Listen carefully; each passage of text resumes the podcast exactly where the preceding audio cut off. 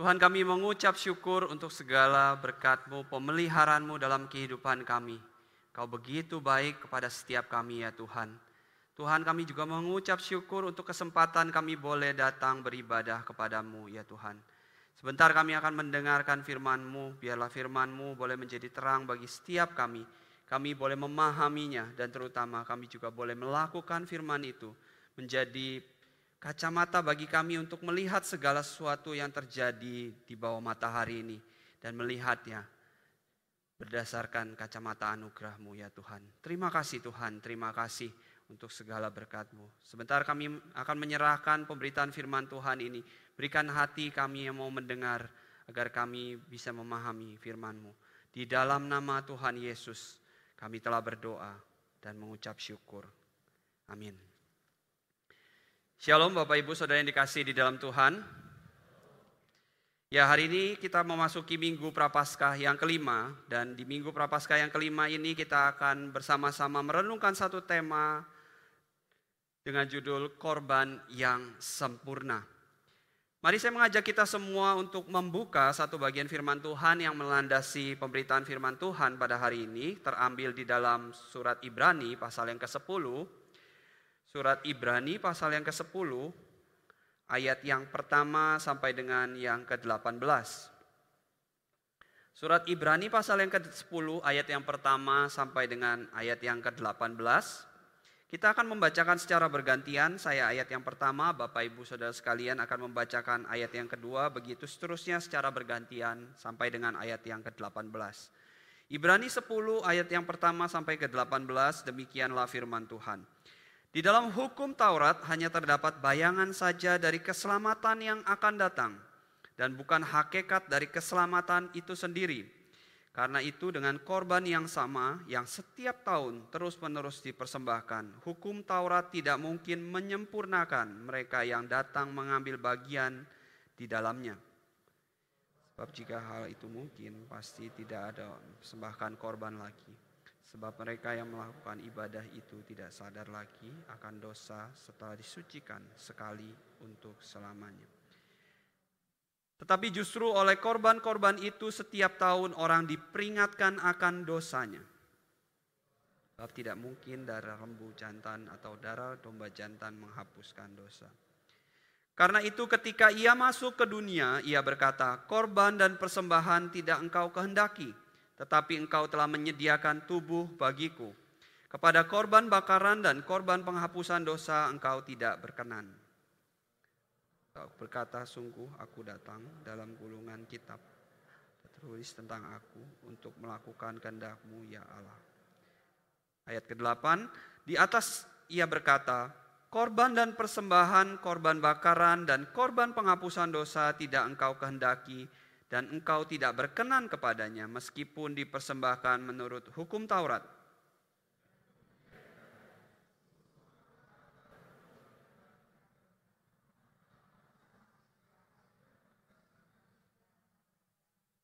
Dan karena kehendaknya lah, kehendaknya inilah kita telah dikuduskan satu kali untuk selama-lamanya oleh persembahan tubuh Yesus Kristus tiap iman melakukan tiap-tiap hari pelayanan dan berulang-ulang mempersembahkan korban yang sama, yang sama sekali tidak dapat menghapuskan dosa.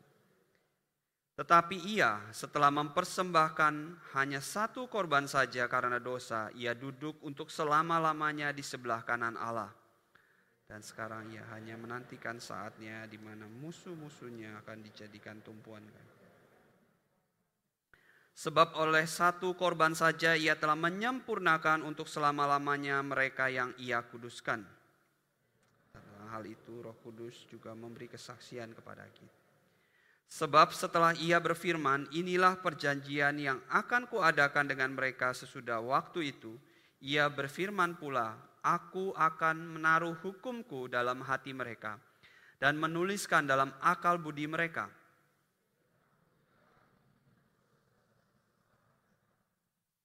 Ayat ke-18, jadi apabila untuk semuanya itu ada pengampunan, tidak perlu lagi dipersembahkan korban karena dosa. Berbahagialah setiap kita yang boleh membaca, merenungkan, dan terutama melakukan firman Tuhan dalam kehidupan hari lepas hari. Bapak Ibu, seorang bernama Karina Citra Dewi Joy. Dari namanya kita bisa tahu itu orang Indonesia ya Bapak Ibu. Adalah seorang Indonesia yang menjadi salah satu pemegang hak paten. Jadi salah satu pemegang hak paten dari vaksin Oxford AstraZeneca. Jadi ia bersama timnya meneliti dan secara khusus Karina Citra Dewi ini meneliti di bagian bagaimana cara mengembangkan dan memproduksi secara massal dengan cara yang mudah dan biaya yang sangat murah. Jadi ia bersama dengan timnya bekerja kurang lebih selama 18 bulan secara non-stop meresikokan dirinya terpapar dengan COVID di mana pada saat itu belum ada vaksin sama sekali untuk meneliti supaya memberikan harapan kepada banyak orang di seluruh dunia bahwa pandemi ini akan berakhir. Dari penelitian yang dilakukan ia bersama dengan timnya menghasilkan vaksin yang secara persebaran termasuk vaksin AstraZeneca persebarannya yang paling banyak di seluruh dunia. Karena salah satunya mungkin karena cara memproduksi dan biaya produksinya yang lebih mudah dan lebih murah. Bapak Ibu kalau kita melihat mengingat pada masa-masa itu ya, pada masa-masa di awal-awal pandemi, salah satu yang memberikan pengharapan bagi setiap kita adalah kita percaya bahwa ketika pandemi terjadi, merebak, outbreak, itu ya, kita percaya ada vaksin yang sedang diteliti dan dikembangkan dan akan diproduksi. Dan kita dengan rela, suka rela menjaga diri kita, kita diam di rumah, kita bekerja dari rumah, kita juga memperketat protokol kesehatan sambil kita mengecek, oh vaksin udah ada belum ya gitu ya, udah tersedia di puskesmas mana atau di rumah sakit mana. Bahkan kita ketika ada kita rela antri berjam-jam panjang untuk mendapatkan vaksin tersebut. Bahkan ada yang rela untuk keluar kota mendapatkan vaksin. Supaya karena apa? Kita punya harapan dengan kita divaksin, semua orang divaksin, pandemi ini akan segera berakhir, Bapak Ibu. Ketika kita mengingat masa-masa itu, kita tahu bahwa vaksin memberikan kita pengharapan bahwa pandemi ini tidak akan berlangsung selamanya. Kalau kita nggak punya pengharapan, ya udah kita hidup aja bebas-bebas keluar sesuainya. Toh semuanya akan mati juga gitu karena kena virus. Tapi Vaksin ini memberikan kita satu pengharapan. Kisah ini memberikan kita satu gambaran bagaimana konteks dari surat Ibrani ini ditulis Bapak Ibu. Surat Ibrani ini ditulis untuk pembaca pertama kepada orang-orang Yahudi Kristen. Jadi surat Ibrani ini ditulis kepada konteks pembaca pertama, yaitu ditujukan kepada orang-orang Yahudi Kristen yang tersebar Baik itu di tanah perjanjian, di tanah Israel maupun di mana. Hidup sebagai orang-orang Yahudi, Kristen pada masa itu, pada masa kekristenan mula-mula tidaklah mudah. Banyak tekanan, banyak penderitaan yang dan penyiksaan yang mereka hadapi dan mereka alami. Hidup di masa itu sebagai orang Yahudi Kristen tidak mudah untuk mereka hadapi. Dan surat Ibrani ini ditulis, ditujukan untuk memberikan penguatan, penghiburan kepada mereka bahwa Allah yang menyertai para leluhur mereka, Allah yang menyertai mereka, bangsa mereka sejak dulu adalah Allah yang sama yang masih menyertai mereka sampai dengan saat ini. Dan dikatakan bahwa Allah dulu berbicara kepada para leluhurmu itu kepada para nabi-nabi, kepada para pemimpin bangsa Israel. Tetapi Allah yang sekarang juga tetap berbicara melalui perantaraan anaknya yaitu Yesus Kristus. Yesus Kristus adalah cahaya kemuliaan Allah, gambar wujud Allah. Dan ia telah melaksanakan karya penebusannya dan saat ini bersama-sama dengan Allah. Dan ia akan datang kembali pada waktunya untuk menggenapi karyanya. Inilah yang digambarkan dalam pembukaan surat Ibrani di pasal pertama, ayat yang pertama sampai ketiga menekankan tentang bagaimana pribadi Kristus adalah pribadi sebagai jaminan pengharapan kepada bangsa Israel.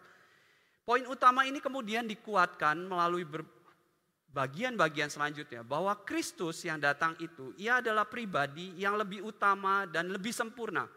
Ia lebih utama dan sempurna dari malaikat, ia lebih tinggi dari malaikat dan juga hukum Taurat karena ia adalah Allah dan firman Allah itu sendiri yang menjadi manusia. Ia juga lebih tinggi dan lebih utama dari Musa, pemimpin bangsa Israel yang memimpin bangsa Israel keluar dari tanah Mesir sampai ke dalam tanah perjanjian. Ia adalah tanah perjanjian itu sendiri, ia adalah pengharapan itu sendiri. Dan Kristus adalah imam dari segala imam yang sebagai pengantara antara Allah dengan manusia. Dan Kristus itu sendiri itu lebih tinggi dan lebih sempurna daripada perjanjian dan pengorbanan yang dilakukan bangsa Israel. Keseluruhan bagian ini menggambarkan, menceritakan, dan mengajarkan kepada umat Tuhan bahwa Allah tidak pernah meninggalkan umatnya dalam situasi apa pun. Allah tidak pernah meninggalkan umatnya dalam situasi apa pun dan surat ini mengajak para umat untuk setia kepada Allah dalam segala kondisi apa pun. Makanya di bagian akhir di dalam pasal surat ini diberikan contoh-contoh tokoh iman yang setia di dalam segala kondisi. Itulah yang digambarkan dalam keseluruhan surat Ibrani Bapak Ibu. Melalui satu slide ini kita belajar kurang lebih struktur. Struktur surat Ibrani secara keseluruhan. Tapi kita tidak akan membahas secara keseluruhan surat ini. Kita akan berfokus pada satu hal, yaitu di pasal 10 yang tadi kita baca. Bahwa Kristus adalah korban yang sempurna. Mari kita lihat di dalam ayat yang pertama. Di pasal 10 ayat yang pertama, dikatakan di dalam hukum Taurat hanya terdapat bayangan saja dari keselamatan yang akan datang. Di situ digunakan kata bayangan.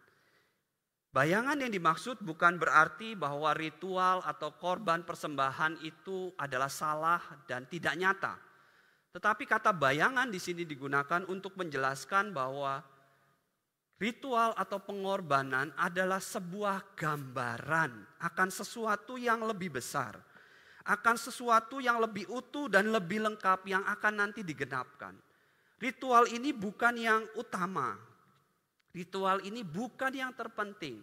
Tetapi ini merupakan gambaran-gambaran dari apa yang akan digenapkan Allah di dalam diri Yesus Kristus. Sebagai orang Yahudi yang hidup sebagai orang Kristen dan kebanyakan mereka hidup di perantauan. Mereka hidup di perantauan untuk menghidupi identitasnya mereka melakukan ritual-ritual. Jadi mereka tetap melakukan ritual-ritual korban persembahan, korban bakaran, korban penghapusan sebagai bukti identitas mereka bahwa saya ini Yahudi. Karena tanah mereka sudah nggak punya, mereka di luar tanah kelahiran mereka. KTP juga belum ada gitu kan pada zaman itu. Identitas yang menguatkan mereka bahwa saya ini adalah orang Yahudi, umat pilihan Allah adalah ritual-ritual tersebut. Tapi tulisan dari surat Ibrani ini mau menekankan bahwa Bukan ritualnya itu yang terpenting, tetapi makna di balik ritual itu yang harus mereka pahami. Bukan ritual yang tiap kali mereka lakukan itu yang terpenting, tetapi makna di balik ritual tersebut yang terpenting. Bapak Ibu mungkin eh, familiar dengan pameran mobil Gias, Gaikindo Indonesia International Auto Show. Ini sebuah pameran eksebisi otomotif kelas internasional yang diadakan di Indonesia. Diadakan setiap tahun di beberapa kota-kota besar di Indonesia. Surabaya untuk tahun ini, waktu saya mempersiapkan ini dapat jadwal bulan September. September sekitar tanggal 23, 24. Jadi yang mau ganti mobil bisa persiapan dari sekarang ya. Di sana biasanya dijual, dipasarkan mobil-mobil yang akan dijual pada musim-musim tersebut, tetapi bukan hanya menjual, pada kesempatan itu produsen mobil juga biasanya menggunakan kesempatan pameran itu untuk menunjukkan teknologi terbaru dari perusahaannya. Jadi biasanya meluncurkan beberapa mobil-mobil prototipe atau konsep yang biasanya untuk menunjukkan bahwa ini loh perusahaan saya ini sudah sampai kepada teknologi ini, sudah bisa sedang mengembangkan atau akan mengembangkan teknologi untuk kendaraan seperti ini. Kalau Bapak Ibu lihat di jalan-jalan Surabaya, sekarang kita udah mulai familiar dan sering lihat mobil listrik, ya kan? Kalau perhatikan aja yang platnya ada garis biru di bawahnya, itu berarti mobil listrik. Tapi mobil-mobil listrik itu prototipenya sudah mungkin sudah dipamerkan sebelum dijual massal seperti sekarang sekitar 10 sampai 20 tahun sebelumnya. Bahwa dulu mereka memperlihatkan bahwa nanti akan ada mobil dengan tenaga yang bisa diperbarui, tidak lagi menggunakan atau mengandalkan tenaga fosil dengan teknologi yang lebih canggih, yang ramah lingkungan. Dan sekarang kita baru menikmatinya bisa dijual, dibeli secara massal. Gambaran kisah di atas menunjukkan bahwa korban bakaran, korban ritual, korban penghapusan dosa yang dilakukan itu merupakan prototipe, gambaran yang belum sempurna, yang belum utuh yang kemudian akan disempurnakan Allah di dalam diri Yesus Kristus. Apa yang mereka lakukan itu bukanlah yang utama dan bukan yang terpenting. Ritual yang mereka lakukan itu tidak dapat menyelesaikan permasalahan utama dari manusia itu sendiri. Hanya mengingatkan akan masalah utama manusia, yaitu keberdosaan mereka. Ritual-ritual yang dilakukan itu hanya mengingatkan bahwa mereka ini berdosa. Dan ritual ini tidak dapat menyelesaikan permasalahan utama manusia. Dan diperlukan korban yang layak untuk memenuhi segala persyaratan tersebut. Yaitu melalui diri Yesus Kristus. Pertanyaannya Bapak Ibu Saudara yang kasih di dalam Tuhan. Kenapa sih Kristus itu perlu mati? Itu kan pertanyaan. Kenapa sih Kristus itu perlu mati sebagai korban? Kan Allah itu maha kuasa kan? Allah itu maha kuasa, dia bisa aja gitu ya berfirman, hapuskanlah semua dosa umat manusia. Bisa kan? Bisa kan? Allah itu maha kuasa loh. Dia bisa berfirman, saya hapus semua dosa umat manusia. Dia bisa melakukannya. Tapi kenapa dia tidak bisa melakukannya? Dia tidak mau melakukan. Mari saya mengajak kita kembali kepada apa yang sudah kita pelajari sepanjang minggu-minggu prapaskah. Dari minggu yang pertama. Di minggu pertama kita diajak dan melihat bagaimana Allah merancangkan dunia ini kita berserta alam ciptaannya dalam satu desain yang sangat baik Manusia dirancangkan sebagai wakil Allah, pengelola alam ciptaannya dalam desain yang sempurna yang baik.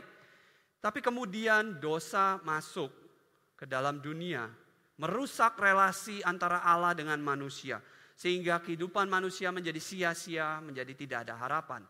Itu yang kita lihat dan kita pelajari di minggu yang kedua. Dan Allah sebagai Allah yang adil dan Allah yang benar ia harus menghukum manusia karena upah dosa adalah maut. Selain Allah itu kuasa, Allah itu juga adil, Allah itu benar. Sifat-sifatnya itu tidak bisa saling bertentangan satu dengan yang lain. Harus satu jadi kesatuan dan tidak bisa berkontradiksi. Allah sebagai Allah yang benar, Allah yang maha kuasa, ia mampu menghapuskan dosa manusia. Tetapi di sisi lain, Allah yang benar, Allah yang adil, itu juga harus menghukum manusia. Dan upah hukuman dari dosa adalah maut.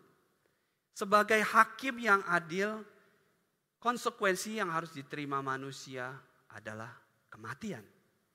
Harus ada darah yang tertumpah, darah yang tercurah. Tetapi di sisi lain kita mengucap syukur Allah kita adalah Allah yang penuh kasih. Di tengah segala tuntutannya, bahwa harus ada korban yang dicurahkan. Allah memberikan anaknya. Korban yang sempurna itu untuk datang. Ketika dosa masuk ke dalam dunia, relasi yang dirusak itu adalah relasi dua pihak antara Allah dengan manusia. Makanya relasi ini disebutnya perjanjian atau dalam bahasa Inggris mungkin digunakan kata yang lebih dalam covenant. Perjanjian covenantal. Apa bedanya perjanjian covenantal, covenant dengan agreement? Covenant, covenantal itu adalah perjanjian yang antara pihak satu dan pihak yang lainnya itu memiliki status derajat yang berbeda. Antara Allah yang tidak terbatas dengan manusia yang tidak terbatas.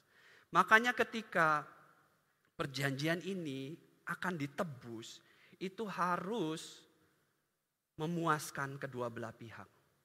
Dan korban bakaran, hewan yang darahnya tertumpah, tidak dapat memuaskan salah satu pihak yaitu Allah.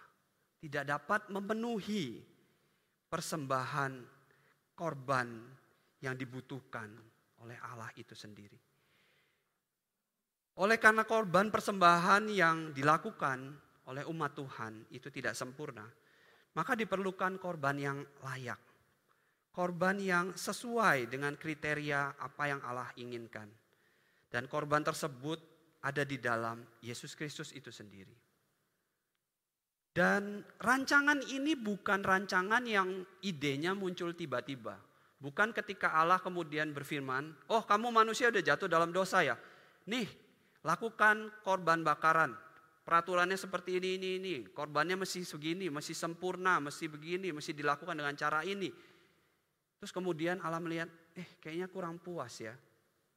Enggak, saya ganti lagi peraturannya. Berarti harus ada korban yang sempurna yang harus diberikan. Bukan seperti itu Bapak Ibu. Rancangan korban yang sempurna ini telah ada sejak manusia jatuh dalam dosa.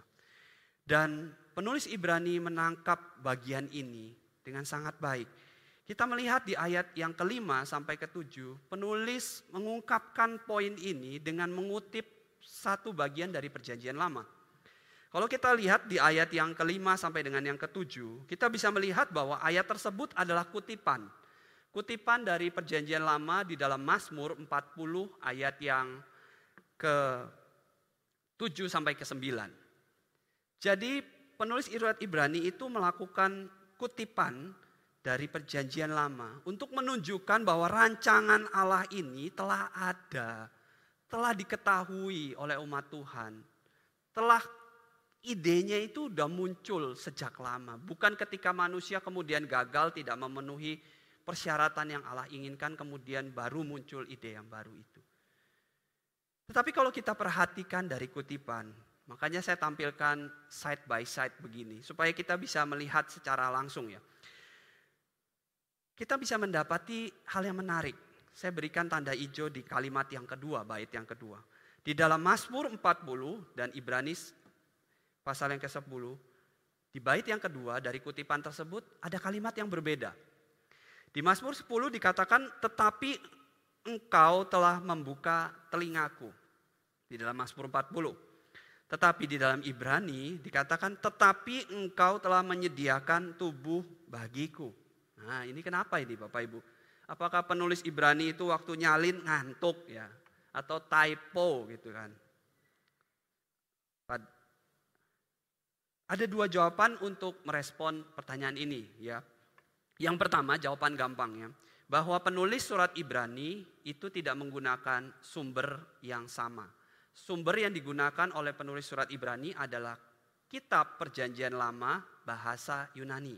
Jadi Septuaginta. Jadi Septuaginta itu adalah Alkitab Perjanjian Lama yang ditulis sudah disalin ulang ke dalam bahasa Yunani. Sementara Alkitab bahasa Alkitab orang Yahudi biasa menggunakan bahasa Ibrani. Jawaban mudahnya seperti itu. Sumber yang digunakan untuk pengutipannya itu beda. Tetapi ini kan nggak menjawab pertanyaan poin utama. Kenapa bisa beda gitu ya kan? Kenapa kalau berbeda tetap dipakai sumber tersebut? Nah ini yang menarik. Karena ini merupakan cara penulis di dalam perjanjian baru. Untuk membaca perjanjian lama dari terang perjanjian baru. Paham ya? Membaca perjanjian lama di dalam terang perjanjian baru. Hal ini sering kita temui di dalam tulisan-tulisan Perjanjian Baru, di mana banyak kutipan-kutipan Perjanjian Lama yang kemudian disalin, bukan hanya disalin secara langsung, tetapi kemudian ditafsirkan ulang dengan pemahaman yang lebih baru. Hal ini dilakukan oleh Yesus Kristus sendiri. Ingat ketika dia mengkaitkan kisah Yunus, tanda Yunus dengan saat kematiannya, tiga hari dia turun ke dalam kerajaan maut. Ketika kita baca Yunus, ada nggak sih kita terpikir, pernah terpikir bahwa kisah ini sebenarnya mengarah kepada Kristus, kepada kematian Kristus. Tetapi kemudian Yesus membaca perjanjian lama ini di dalam konteks dan memberikan makna yang lebih jelas. Bagian ini bisa membawa kita untuk kita merenungkan Bapak Ibu. Bahwa ketika kita membaca perjanjian lama, terkhusus perjanjian lama. Kita kan lagi program baca Alkitab ya, sekarang sudah sampai kitab keluaran. Kita itu jangan berhenti hanya pada pemahaman perjanjian lama ini saja. Kita harus melihatnya secara utuh, naratif yang lengkap. Bahwa Alkitab itu bukan buku yang terpisah satu-satu, yang berisi cerita satu-satu, yang terpisah satu dengan yang lain. Alkitab kita itu semua bercerita tentang satu keseluruhan, tentang karya Allah yang menyelamatkan manusia melalui Yesus Kristus. Kisah narasi Alkitab dari kejadian sampai wahyu itu menceritakan satu benang merah yang sama. Makanya ketika kita membaca atau mungkin ya kita menceritakan kisah-kisah perjanjian lama, tokoh-tokoh perjanjian lama di dalam Alkitab, atau mungkin kita mengajar sekolah minggu, mengajar anak kita. Kita harus punya perspektif ini. Jangan sampai ketika kita mengkotbahkan atau belajar menceritakan, kita hanya terjebak pada kisah perjanjian. Supaya kisah yang ceritakan itu tidak jatuh pada pesan-pesan moralitas semata. Marilah kita menjadi seperti Daud gitu ya. Loh, Daud yang seperti apa ini? Maksudnya Daud yang ngambil istri orang dan membunuh suaminya ya maksudnya. Atau marilah kita seperti Musa gitu ya. Kita mencontoh diri Musa. Loh, apa yang mau digambarkan dari kisah keseluruhan Musa ini dan kaitannya dengan Yesus Kristus? Marilah kita menjadi mencontoh seperti Esther gitu ya. Dia berani untuk menghadap Raja Ahasiweros gitu ya. Loh, di dalam kitab Esther itu kalau kita teliti, Esther itu hidup di negara kafir loh. Di media Persia, di mana di dalam keseluruhan kitab itu tidak ada kata Tuhan satupun. Yang mau difokuskan di dalam kitab Esther itu kan bukan Esther, bukan Mordekainya. Tetapi bagaimana Allah itu bekerja di dalam keabsenan. Allah itu tidak bekerja meskipun terkadang kita itu tidak bisa melihat secara nyata. Jadi ketika kita membaca kisah-kisah perjanjian baru, kita harus punya perspektif apa kaitan kisah ini dengan penggenapan di dalam diri Yesus Kristus. Yang akan datang, mati, dan bangkit. Sehingga khotbah-khotbah cerita-cerita yang kita sampaikan tidak berhenti pada nilai-nilai moralitas saja. Bukan berarti saya tidak bisa saya bilang bahwa kisah-kisah tidak perjanjian lama tidak mengandung pesan-pesan moralitas. Ada, ada pesan-pesan moral yang bisa kita ajarkan. Tetapi jangan berhenti pada itu saja. Kita harus menekankan pada karya Kristus itu sendiri yang terkait dengan semua kisah di perjanjian lama. Supaya kita tidak terjebak pada kisah-kisah yang terpisah. Bagian ini menolong kita untuk melihat di dalam kutipan Ibrani ini. Penulis Ibrani mau membawa kita melihat bahwa persembahan tubuh itu memiliki kualitas yang lebih dibanding dengan persembahan korban hewan. Jadi penulis Ibrani ini sengaja menggunakan terjemahan di dalam Alkitab bahasa Yunani. Untuk menunjukkan bahwa korban yang dibutuhkan adalah korban tubuh. Perhatikan ya, pergerakan argumennya bahwa ketika manusia jatuh dalam dosa, harus ada yang dihukum, harus ada darah yang tertumpah. Tetapi bukan darah binatang, darah dari tubuh yang dipersembahkan. Nah, sekarang semakin berkembang ya poinnya. Bagian berikutnya kita melihat bahwa kalimat tersebut diapit dengan kalimat korban persembahan tidak engkau kehendaki. Korban bakaran dan penghapusan dosa engkau tidak berkenan. Bagian ini mau menunjukkan bahwa bukan ini yang aku butuhkan kata Tuhan. Bukan ini yang aku inginkan kata Tuhan. Aku ingin korban yang sempurna. Dan ketidakpuasan Tuhan, tema ketidakpuasan Tuhan terhadap persembahan korban adalah tema yang sering kali diulang di dalam perjanjian lama. Bukan hanya muncul di dalam perjanjian baru. Di dalam 1 Samuel 15 ayat ke-22 kita coba lihat bersama-sama. Mari kita buka di dalam 1 Samuel 15 ayat ke-22. 1 Samuel 15 ayat yang ke-22. Mungkin dari multimedia mungkin bisa tampilkan juga ya.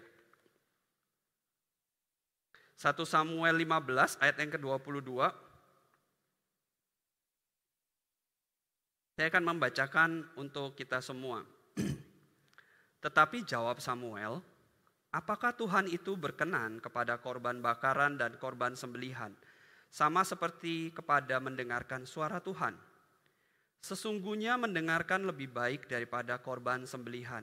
Perhatikan, memperhatikan lebih baik daripada lemak domba-domba jantan. Konteks dari kisah ini menceritakan tentang Allah yang menolak Saul sebagai raja. Allah berfirman kepada Saul, orang Amalek harus engkau musnahkan. Kemudian Saul melaksanakan, tetapi dia menyisakan Raja Amalek dan juga dia mengambil korban lembu-lembu yang tambun yang baik untuk mereka ambil. Terus kemudian Tuhan marah dan menyuruh Samuel untuk datang memperingati dia. Kemudian Samuel datang kepada Saul dan berkata, "Kenapa engkau tidak melaksanakan permintaan Tuhan?" Loh, saya sudah melaksanakan, cuma saya mau ambil korban-korban ini untuk saya persembahkan kepada Tuhan. Tujuannya kan baik ya. Tetapi Allah kecewa. Kenapa? Karena bukan korban persembahannya yang dipentingkan. Ketaatannya. Dikatakan, apakah Tuhan berkenan dengan korban bakaran dan korban sembelihan dibandingkan dengan mendengarkan suara Tuhan? Sesungguhnya mendengarkan lebih baik daripada korban sembelihan, memperhatikan lebih baik daripada korban bakaran. Oleh karena itu di bagian akhir dari teks kutipan ini dikut, dikatakan untuk melakukan kehendakmu ya Allahku. Bagian ini mau menyimpulkan apa Bapak Ibu? Bahwa persembahan yang diinginkan Tuhan itu adalah ketaatan yang sempurna yang lahir dari hati. Persembahan yang diinginkan Tuhan itu adalah ketaatan yang lahir dari hati. Dan di dalam konteks Mazmur, Mazmur memposisikan dirinya bahwa aku akan taat kepada Tuhan, aku akan mempersembahkan diriku kepada Tuhan sebagai korban, sebagai persembahan yang layak. Tetapi di dalam kisah di Alkitab kita bisa melihat berapa banyak tokoh-tokoh Alkitab yang gagal memenuhi hal tersebut. Tokoh-tokoh Alkitab dikisahkan banyak memiliki celah, banyak memiliki kegagalan. Hal itu menunjukkan bahwa karena memang permasalahan utama manusia itu ada di dalam hati mereka. Ada di dalam diri mereka dan hanya korban yang sempurna itu di dalam diri Yesus Kristus yang bisa menyelesaikan. Jadi apa korban yang sempurna itu? Saya mensummarize gitu ya, menyimpulkan dari apa yang saya sudah jelaskan tadi. Bahwa korban yang sempurna itu adalah darah yang tercurah dari tubuh yang diberikan dengan hati yang murni dan ketaatan yang sungguh. Pertanyaannya apakah korban yang seperti ini bisa didapatkan dan ditemui dari manusia Bapak Ibu?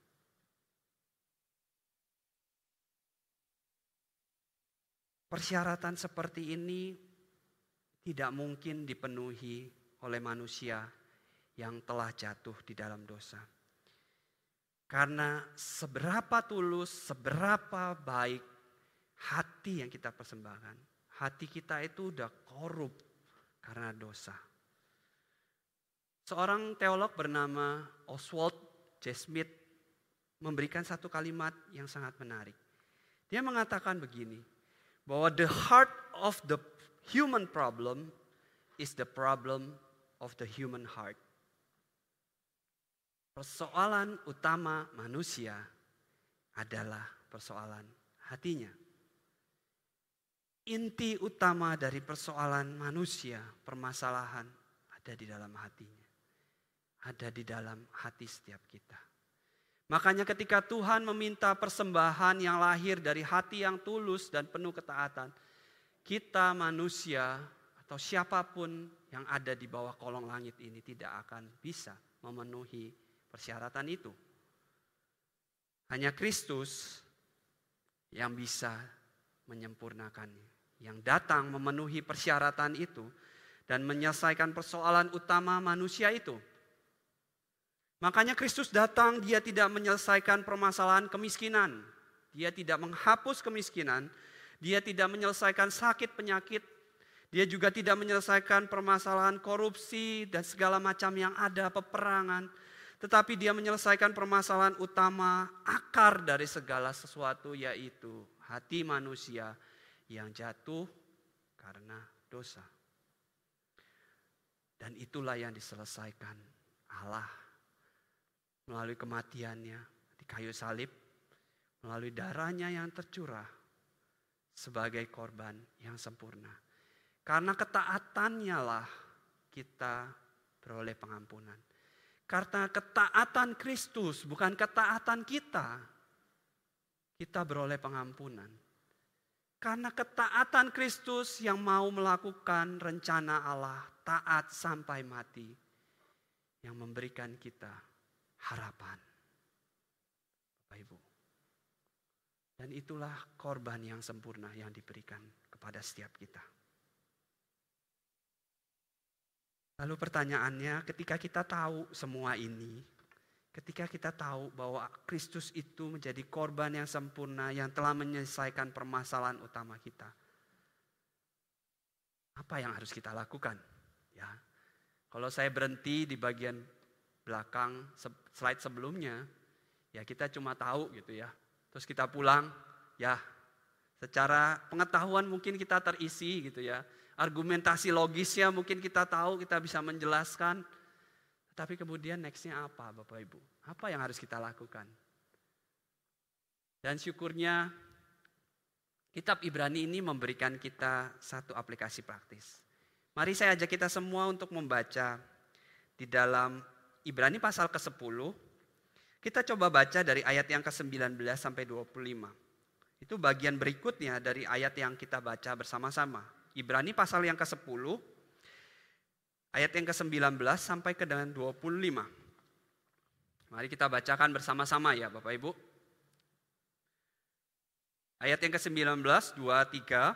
Jadi saudara-saudara oleh darah Yesus kita sekarang penuh keberanian dapat masuk ke dalam tempat kudus. Karena ia telah membuka jalan yang baru dan hidup yang baru bagi kita melalui tabir yaitu dirinya sendiri. Dan kita mempunyai seorang imam besar sebagai kepala rumah Allah. Karena itu, marilah kita menghadap Allah dengan hati yang tulus ikhlas dan keyakinan iman yang teguh. Oleh karena hati kita telah dibersihkan dari hati nurani yang jahat dan tubuh kita telah dibasuh dengan air yang murni. Marilah kita teguh berpegang pada pengakuan tentang pengharapan kita, sebab Ia yang menjanjikannya setia. Dan marilah kita saling memperhatikan supaya kita saling mendorong dalam kasih dan dalam pekerjaan baik. Janganlah kita menjauhkan diri dari pertemuan-pertemuan ibadah kita, seperti dibiasakan oleh beberapa orang. Tetapi marilah kita saling menasihati dan semakin giat melakukannya menjelang hari Tuhan yang mendekat. Bapak Ibu kalimat ini memberikan kita perintah ya kan dari ayat ke-22. Yang pertama marilah kita menghadap dengan hati yang tulus, ikhlas dengan keyakinan yang teguh. Karena Kristus adalah korban yang sempurna yang telah menyelesaikan permasalahan utama kita. Tidak ada dosa yang terlalu besar untuk bisa dihapuskan oleh kasih karunia Allah. Firman Tuhan yang hari ini disampaikan datang di dalam kondisi situasi Bapak Ibu yang saya tidak tahu satu persatu. Mungkin ada kita yang bergumul dengan masa lalu kita, dosa-dosa kita. Kita merasa tidak layak. Tuhan dosa saya terlalu besar. Saya ini penuh dengan dosa. Kehidupan lama saya tidak layak untuk saya boleh datang kepada Tuhan. Tapi kita bisa melihat darahnya telah tercurah dan menyelesaikan permasalahan kita. Tidak ada dosa yang terlalu besar sehingga membuat kita terhalang lagi untuk datang kepada Tuhan. Marilah datang kepada Tuhan. Marilah datang dengan hati yang tulus dan keyakinan iman yang teguh bahwa kita telah dibenarkan di dalam Kristus Yesus. Barang siapa yang masih ragu dengan kehidupannya, anugerah itu terlebih besar. Terlebih besar dari apa pun yang bisa kita lakukan terlebih besar dari dosa dan masa lalu kita. Segala hal yang kita lakukan telah dituntaskan oleh pengorbanan Kristus di kayu salib. Lalu marilah kita teguh berpegang pada pengakuan dan pengharapan kita. Sebab karena kesetiaan Kristuslah kita beroleh keselamatan. Kita diajak untuk berpegang teguh pada pengharapan. Jangan lepaskan itu dalam segala situasi yang kita alami. Mungkin di dalam situasi pasca pandemi seperti ini, kondisi kita masih belum balik seperti sedia kala. Atau mungkin keadaan kita masih semakin terpuruk. Di dalam kondisi apa pun yang dialami oleh Bapak Ibu Saudara sekalian. Pegang pengharapan di dalam Kristus itu. Sebab Kristus yang menyelamatkan itu. Ia setia sampai mati di kayu salib. Dan marilah kita saling memperhatikan satu dengan yang lain. Allah mengajarkan kita untuk saling mengasihi. Coba lihat kanan kiri kita. Ada enggak sih jemaat yang dulu waktu sebelum pandemi rajin datang ke gereja. Tapi sekarang udah enggak pernah kelihatan lagi. Ada enggak sih kita memperhatikan sesama kita. Orang-orang yang sedang dalam kelemahan, dalam pergumulan. Mari Bapak Ibu, mari kita saling memperhatikan. Kita menyatakan, mendorong dalam kasih. Kita menyatakan kasih Allah itu yang tidak membiarkan kita walaupun kita itu telah berdosa. Tapi ia justru mau menyelamatkan kita. Dan terakhir, janganlah kita menjauhkan diri dari pertemuan ibadah. Bagian ini bukan berbicara soal ibadah minggu aja, tetapi berbicara soal komunitas. Di dalam perjalanan kehidupan yang kita jalani, kita akan menghadapi tantangan yang tidak semakin mudah, Bapak Ibu. Dan kita diajak untuk saling bertolong-tolongan satu dengan yang lain. Kita tidak bisa berjalan sendiri. Kita diminta untuk tetap di dalam komunitas supaya kita bisa saling menguatkan satu dengan yang lain. Bagaimana kita bisa saling mengasihi kalau kita itu sendiri?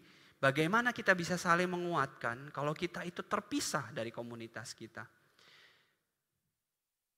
Isu tentang komunitas ini sangat penting dibahas di dalam tim hamba Tuhan karena kami merasa bahwa setelah pandemi banyak orang berpikir bahwa beribadah saja sudah cukup gitu ya. Toh selama pandemi saya bisa beribadah dari jarak jauh. Saya nggak butuh komunitas gitu.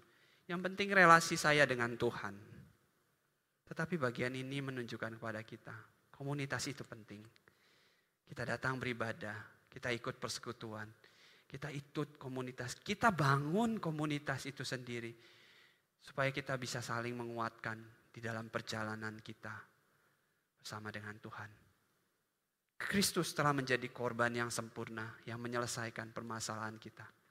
Mari Bapak Ibu, dengan anugerah yang telah kita terima, kita mau bersama hidup sebagai umat Tuhan berjalan di dalam anugerahnya. Mari kita berdoa. Tuhan kami mengucap syukur untuk anugerahmu yang begitu besar dalam kehidupan kami. Kami mengucap syukur untuk pengorbananmu yang sempurna yang menghapuskan dan menyelesaikan permasalahan terbesar di dalam kehidupan kami. Kami mengucap syukur untuk segala hal yang kau berikan. Ampuni kami kalau kami sering kali tidak menyadari hal tersebut, ya Tuhan. Ampuni kami kalau selama ini kami hanya menerima anugerah itu tanpa kami berusaha untuk menyatakan itu kepada orang lain. Tolonglah setiap kami Tuhan agar kami sebagai komunitas umat Tuhan yang telah ditebus, kami boleh saling menguatkan satu dengan yang lain. Kali kami boleh memegang teguh iman kami di tengah segala kondisi apa pun. Dan kami boleh saling menolong satu dengan yang lain. Di tengah tantangan zaman yang tidak mudah ini. Terima kasih Tuhan, terima kasih untuk firman-Mu. Di dalam nama Tuhan Yesus kami telah berdoa dan mengucap syukur. Amin.